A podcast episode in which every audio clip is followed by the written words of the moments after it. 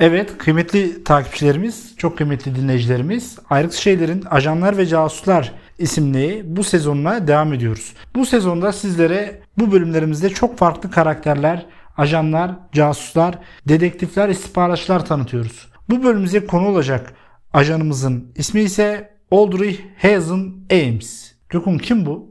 Amerikalıya benziyor ama bu Amerikalılar biliyor Bana da böyle Avrupalı gibi geldi abi ya. İsminde öyle bir tını var sanki. Tarih kaç tam olarak? Zaten Amerikalılar da önceden Avrupalıydı ya. Oradan mı acaba? Kaç abi tarih? İkinci Dünya Savaşı diyebiliriz. Hmm, O zaman Amerikalı. bilemem.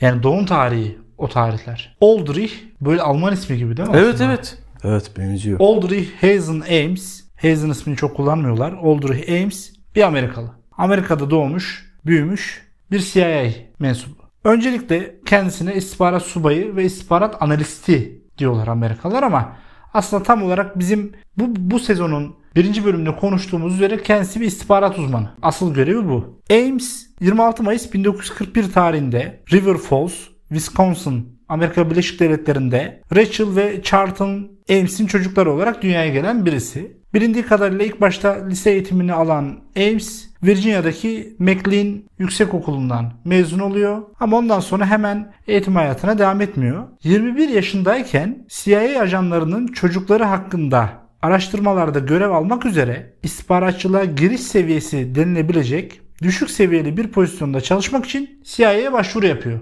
Ama CIA'ye başvuru yapmasının altında da şöyle bir temel sebep var. Babası da CIA ajanı. Babadan oğlu ajan bunlar. Babadan oğlu nesil bunlar gibi. Babadan olan nesil herhalde. Bunlar da babadan oğlu ajan. İlk başta kendisi ajanlık yapmak istemiyor yani CIA mensubu olmak istemiyor. Ama sonrasında hatta ilk başta bu giriş seviye istihbarat ajanlığını çok beğenmiyor ya işte bu mu falan triplerine giriyor. Ama sonrasında yavaş yavaş işini sevmeye başlıyor. 1962 yılında e, bu görev kapsamında CIA'de çalışmaya başlıyor. Yaşı 21. Sonrasında az önce dediğim gibi CIA'de bir kariyer yapmak için bu işe başlamıyor. Daha sonrasında bir okula yerleşebilmek adına o aradaki boşluğunu doldurmak için CIA'de babasının aracılığıyla çalışmaya başlıyor. Ancak sonrasında CIA'nin içindeki bu iş onu cezbediyor ve CIA için çalışmaya devam etmeye karar veriyor. Birkaç yıl sonra da üniversiteyi bitiriyor. Üniversiteyi de bitirdikten sonra CIA içerisinde operasyon şefliği kayıt birleştirme bölümünde çalışıyor. Burada rütbesini alıyor ve yükseliyor. Burada bizim Ames ile ilgili bu sezonda Ames'i bu sezona konuk etmemizdeki temel sebeplerden birisi de olacak olan bir olay yaşanıyor. Ne oluyor?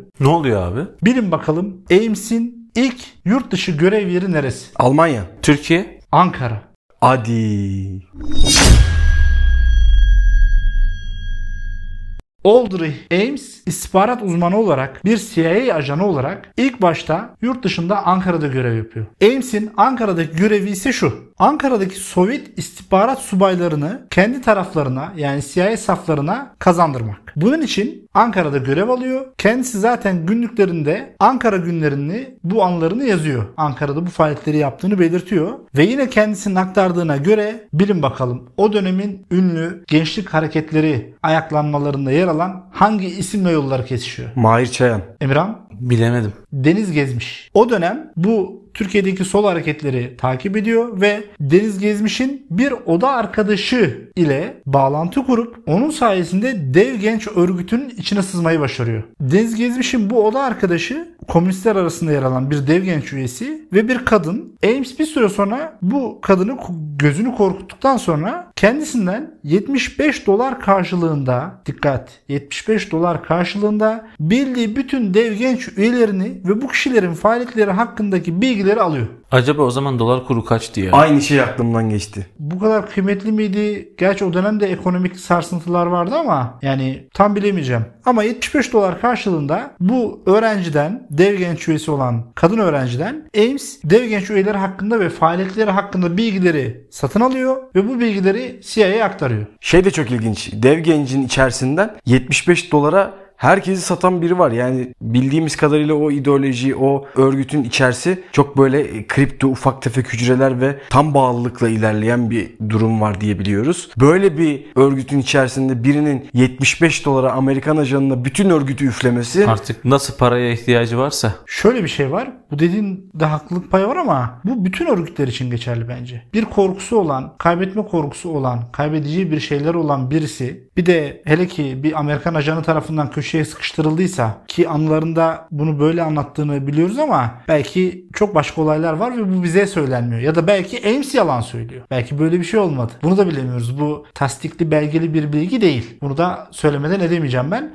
Ama sadece dev genç içinde değil sağ sol fark etmeksizin bence bütün örgütlerin içerisinde istihbarat ajanlarının bu şekilde faaliyet yürüttüğü ve bilgi aldığı kişiler mutlaka vardır. Kesinlikle. Ki Ames buraya bir casus olarak giriyor ve bilmiyor, tanınmıyor. Yani istihbaratçı olduğunu bilmiyorlar. Sonradan sonraya bu kişiyi korkutup köşeye sıkıştırıp sonrasında da para karşılığı bu bilgileri satın alıyor. Ames bu faaliyetleri Türkiye'de yürütüyor. Daha sonra çeşitli ülkelerde gene CIA adına çalışmaya devam ediyor. Bildiğimiz dört farklı ülkede de bulunuyor. Ama Ames'in şöyle bir özel durum var. Ames'in özel hayatı çok çalkantılı. Mevcut eşiyle hiç anlaşamıyorlar. Özel hayatındaki çalkantılı durumu ve bu durumu lehine çevirmek için paraya ihtiyaç duymaya başlıyor. İlk eşi Nancy'yi aldatıyor. Bir sevgilisi var. 1983 yılında eşi Nancy'den ayrılıyor. Sonrasında da eşini aldattığı bu kişiyle Rosaria Dupi bu kişiyle olan ilişkisine devam ediyor. Bu kişi de Kolombiya'nın Meksika elçiliğinde çalışan bir kadın. Rosario. Ama bu kadın öyle bir kadın ki lükse çok düşkün, kendince parayla ilgili ihtirasları var ve kocasının ya da sevgilisinin ya da birlikte olduğu erkeğin kesinlikle çok zengin olmasını istiyor. Lüks evler, lüks arabalar, lüks mobilyalar, lüks takılar. Hatta bu kadının pırlantalara, böyle elmasa vesaire değerli madenlerden yapılan takılar, aksesuarlara çok büyük ilgisi olduğu söyleniyor. Ames bu CIA içindeki faaliyetlerine devam ediyor. 1985 yılında CIA'nin Avrupa bölümü karşı casusluk şubesine atanıyor. Buradaki görevi ise Sovyet istihbarat faaliyetlerinin analizi işlerini idare etmek. Bu görevi sebebiyle de KGB ve Sovyet ordusu içindeki Amerikan kaynaklarının kimlik bilgilerine erişebiliyor. Burası artık kritik bir nokta olmaya başlıyor. Ames'in bu şubeye atandıktan sonra KGB ve Sovyet ordusu içindeki Amerikan kaynaklarının kimlik bilgilerine erişebilme yetkisi aslında bir yerde sonun başlangıcının ilk adımları olacak. Yoksa bir ihanet mi söz konusu? Adım adım oraya doğru geleceğiz. Bu atama ve sonrasında paraya ve lüksü olan muhtaçlıktan dolayı Ames için her şey değişmeye başlayacak. 1985 yılında Washington'daki Sovyetler Birliği elçiliğine gidip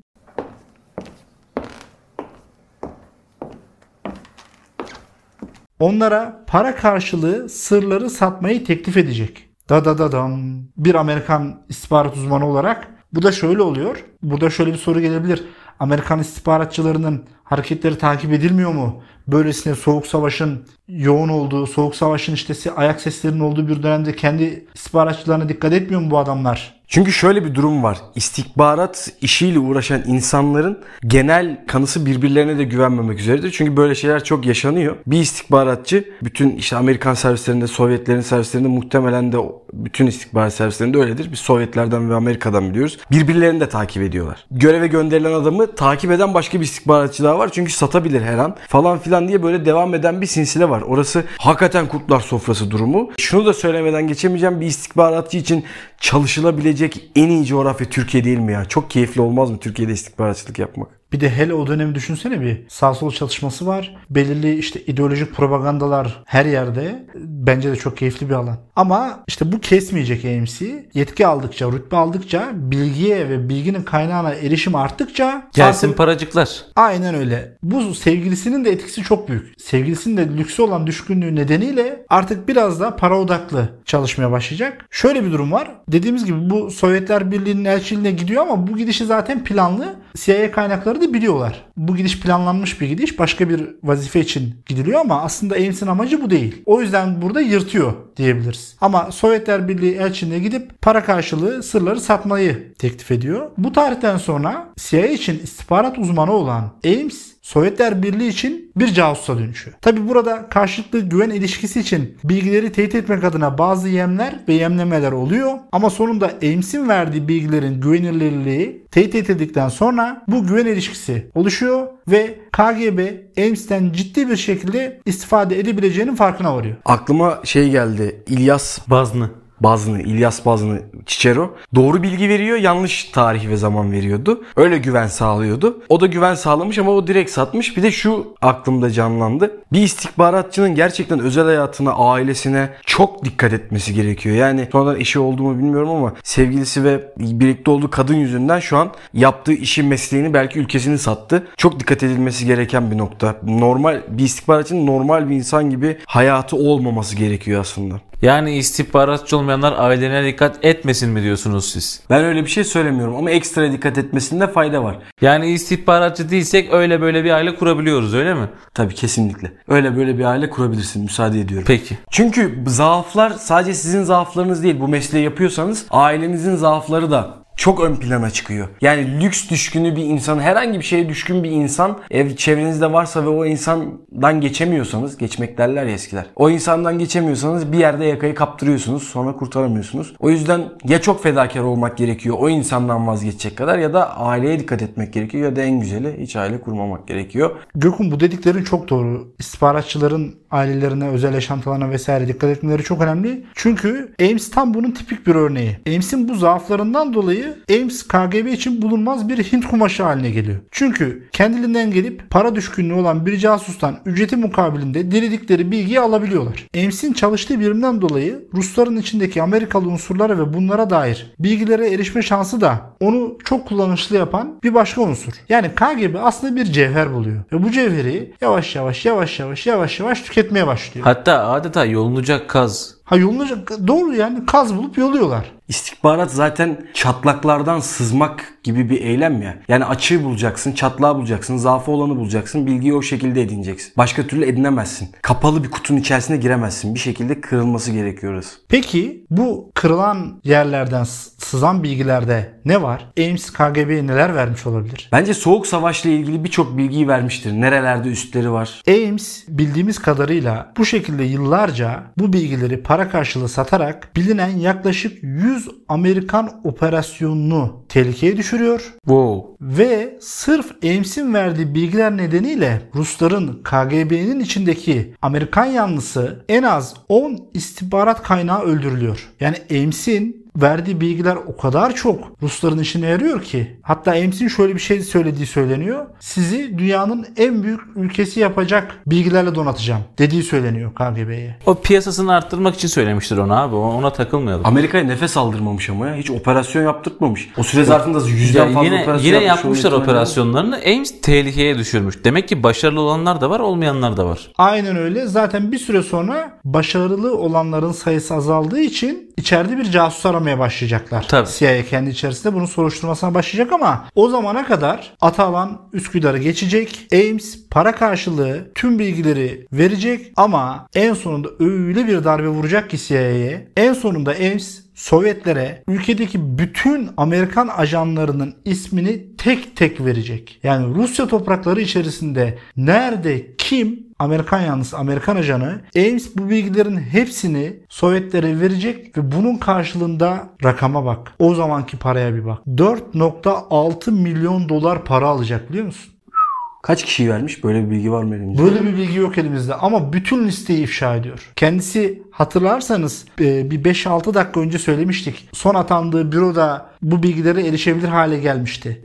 Bunları zaman içerisinde topluyor, topluyor, topluyor. En sonunda bütün hepsini ifşa ediyor. Ve 4.6 milyon dolar para alıyor. Bu sayede Ames'in yaşantısı, mülkü, harcamaları, hayat standartları vesaire tüm yaşam tarzı değişiyor ve artık herhangi bir CIA istihbarat subayından daha lüks bir yaşam tarzına sahip oluyor. Bir noktada dikkat çekmiştir herhalde. Onu diyecektim. Peki tüm bunlar olurken CIA Ames'i nasıl fark etmiyor? Karısının üzerine yapıyor bütün malları. Gökhan Çok kuvvetli bir seçenek ama ben onun yerinde olsam karımın üzerine yapmazdım. Burada şöyle bir şey var. Birinin üzerine yapıp yapmaması değil. Biraz sosyal olmayan bir tip olduğu için iş arkadaşlarıyla vesaire çok özel hayat sınırları içerisinde muhabbeti yok. O yüzden çok şahit olmuyorlar. Hmm. Ama Ames'ten şüphelenmiyorlar da. Neden? İşte can alıcı nokta burada biliyor musunuz? CIA içerisinde kendi personellerinden gelebilecek bir ihanete karşı belirli zamanlarda yapılan rutin soruşturmalar, denetimler var. Ames mi yapıyor onları? Hayır. Babası Rutin- yapıyor. Hayır. Bu rutin denetimler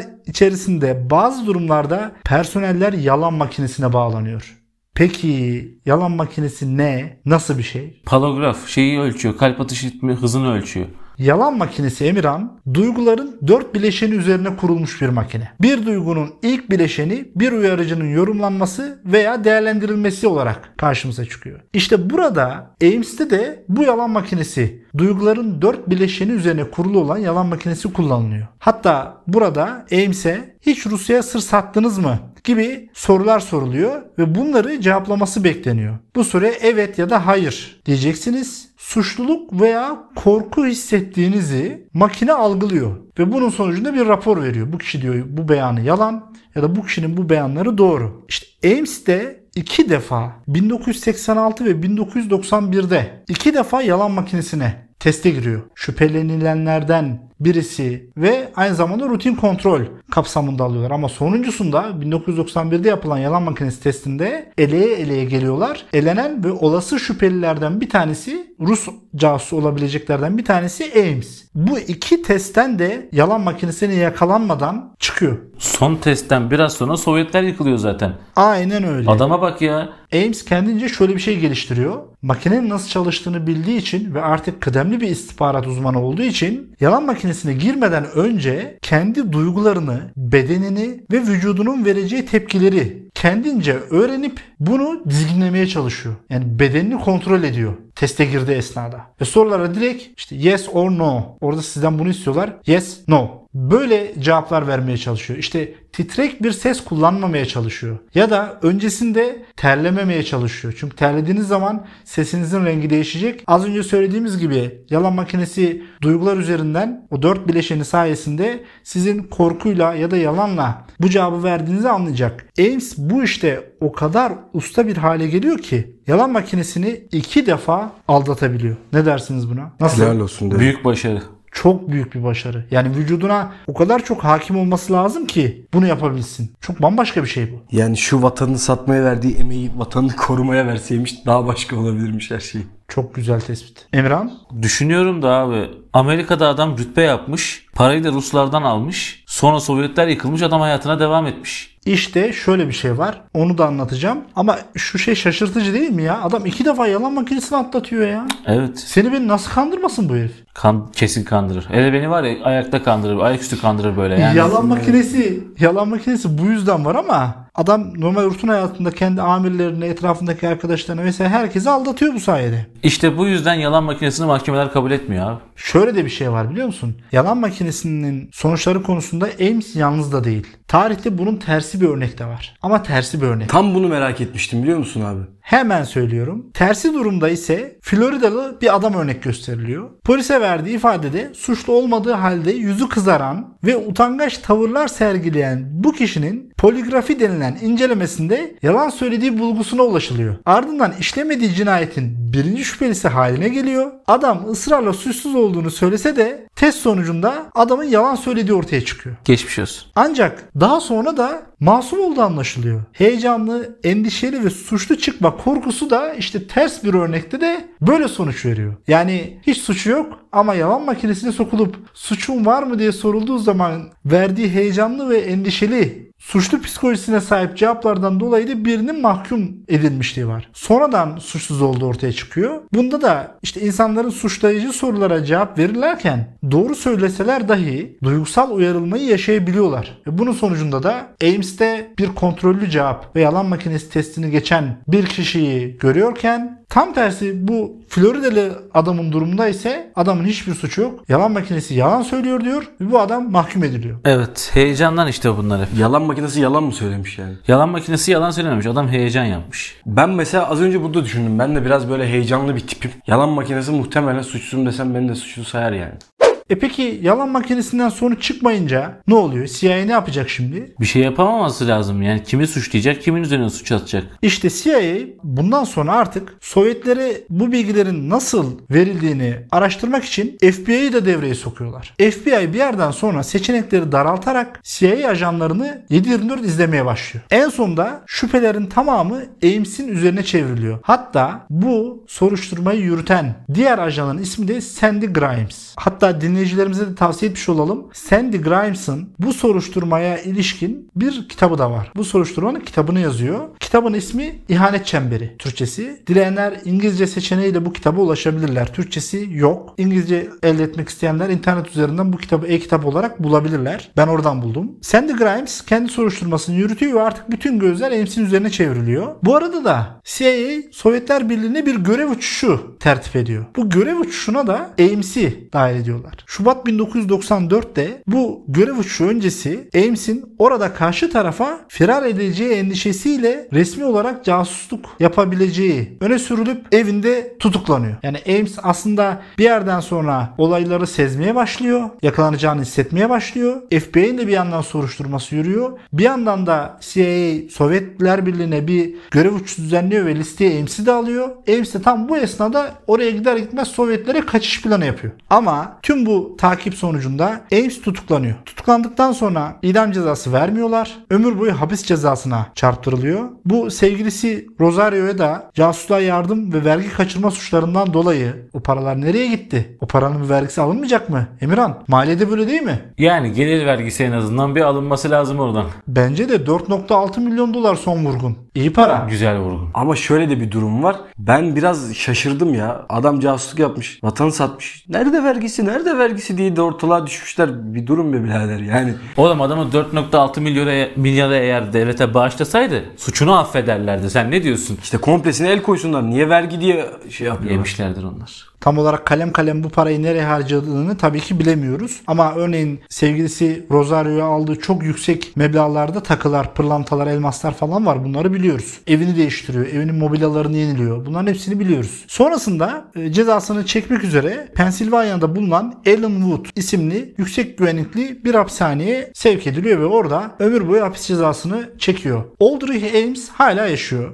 Hala yaşıyor. Hadi Hala canım. yaşıyor. Bir gidelim Hayatta. görelim ya. Hayatta ve halen hapishanede Ellenwood'da yüksek güvenlikli bir hapishanede. Bildiğim kadarıyla zaten e, bir görüş yasağı söz konusu bu yüksek güvenlikli hapishanede. Çünkü adam vatana ihanetten dolayı ömür boyu hapis cezası alıyor. Bu hikayesiyle 1994 yılında Sovyetler Birliği ve Rusya adına casusluk yapmaktan hüküm giyen, tarihte yakalanan ve kayıtlara geçen en zengin ve en çok para kazanan casus olma özelliğine sahip olan Ames aslında hem bir istihbarat uzmanı hem de casustur. Tabi bu nereden baktığımıza göre değişir. ABD için önce bir istihbarat uzmanı, sonrasında hüküm giymiş bir suçlu ve hain, Sovyetler Birliği ve Rusya içinse önce bir casus ve sonrasında yakalandığında ise artık hiç kimsedir. Birinci bölümde açıkladığımız gibi işte casus, ajan, istihbarat uzmanı vesaire bunlar iç içe geçebiliyorlar. Evet. Ames de tüm bunları kendine toplayan bir karakter ve bildiğimiz tarihteki en çok para kazanıp yakalanan kayıtlara geçen en zengin ajan Aldrich Ames. Ames'in hayatı bu. Ajanlık ve casusluk hikayeleri bunlardan ibaret. Dinleyicilerimize Emirhan bir film tavsiyesi yapalım mı? Yapalım abi.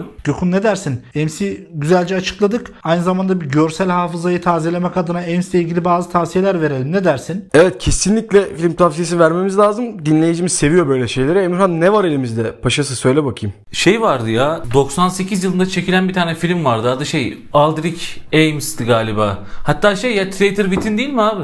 İçimizdeki hain. Aynen içimizdeki hain. Bir de şey e, Netflix'te yayınlanan vardı. Neydi onun adı Netflix. ya? Ne- Netflix'te yayınlanan. Yokun neydi onun adı ya? Nekşfiliş, nekşfiliş. The Adsets var. Assets. Adsets. A S S E T S. Adses. Tamam işte Nekşfiliş'te The Assets. Aynen bir de o var. Bu mini dizi yalnız çok iyi. Gerçekten bütün dinleyicilerimize ben tavsiye ediyorum. Ee, ayrıca az önce de söylediğimiz gibi bu konuyla ilgili kitap tavsiyesi isteyenler de doğrudan Ames'in yakalanma operasyonunu yürüten ajan Sandy Grimes'ın yazdığı İhanet Çemberi isimli kitaba bakabilirler. Gençler Ames'i nasıl buldunuz? Nasıl bir ajan bu ajan? Abi çok bencil ama hayatını okuması takip etmesi de bir o kadar keyifliydi. Yani dinlerken bile ben heyecanlandım. Bir de filmini izlemek lazım. Benim ağzım hala açık kapatamadım henüz. Ama hikayenin bir kısmının Ankara'da geçmiş olması beni çok mutlu etti. Hain olması tabii ki de beni çok üzdü. Ve bir kadın yüzünden bu hallere gelmiş olması bana çok büyük dersler Niye verdi. sana mı ihanet etti? Niye üzülüyorsun? Ben genel olarak ihanete üzülüyorum. Ne diyelim Ames abimize cezaevinde başarılar. Bundan sonraki hayatında başarılar dileyeceğiz ama muhtemelen hapishanede vefat edecek. Acaba Sovyetlerin yıkıldığından haberi var mıdır? Her şeyden haberi var. Yıkılmıştır be. Şey demiştir bir. Ulan o kadar bilgi taşıdım size be. Pus Ben- size falan demiştir. Sizi ya. ben bile kurtaramadım diye değil mi? Bak o olabilir. Sizi dünyanın en güçlü ülkesi yapacağım diye kapısından girdiği Sovyetler Birliği yıkılıyor. Sovyet Rusya ile bir soğuk savaş dönemi zaten mevcut. Ama eninde sonunda şu an için görünen o savaştan Amerika galip çıktı diyebiliriz. Ames bu bilgileri satsa da hiçbir şey değişmedi. Şöyle de bir şey var. Ames'in verdiği bilgilerden dolayı Amerika o dönemde istihbarat politikalarını dahi değiştiriyor. Müthiş. Yani birçok bilgiyi verdiği için ve bütün ajanları ifşa ettiği için yeniden bir yapılanma içerisine gidiyor. Düşünsene Ames'in Ruslardan aldığı 4.6 milyon dolar ama şuna eminim Amerikalıların bu tahribatı gidermek için yaptıkları harcama en az 100 milyar dolardır. Belki de. Belki, Belki daha de daha fazla. fazladır. Cezaevinde şey diyormuş değil mi Ames? Sovyetleri ben yıktım oğlum benim kıymetimi bilmiyorlar falan diye anlatıyormuş. Belki içeride de onun cakasını satıyordur ama o cakayı içeride satsa ne olur, satmasa ne olur en fazla sattığıyla kalır. Hiç. Her ne kadar böyle anlattığımız ajanlar ya da casusların bu hikayeleri insani olarak bizleri hüzünlendirse de aynı zamanda kişilerin vatanlarını, devletlerini satmaları ne kadar bizim gözümüzde alçakça bir hareket olsa da bu adamlar bunu yaptıkları için bir de böyle bir şey var. Biz bugün bunları anlatabiliyoruz. E tabi. Bir de benim söylemek istediğim şöyle bir şey var. Bu hafta para için ajanlık yapan bir- birini dinledik. Önümüzdeki hafta gelin ben size aşk için ajanlık yapan birini anlatayım. Hayda. Para, aşk, ihtiras, entrika. Olaylar olaylar. O zaman bir sonraki hafta görüşmek üzere diyerek bu bölümümüzü burada noktalayalım. Görüşmek üzere. Görüşmek üzere.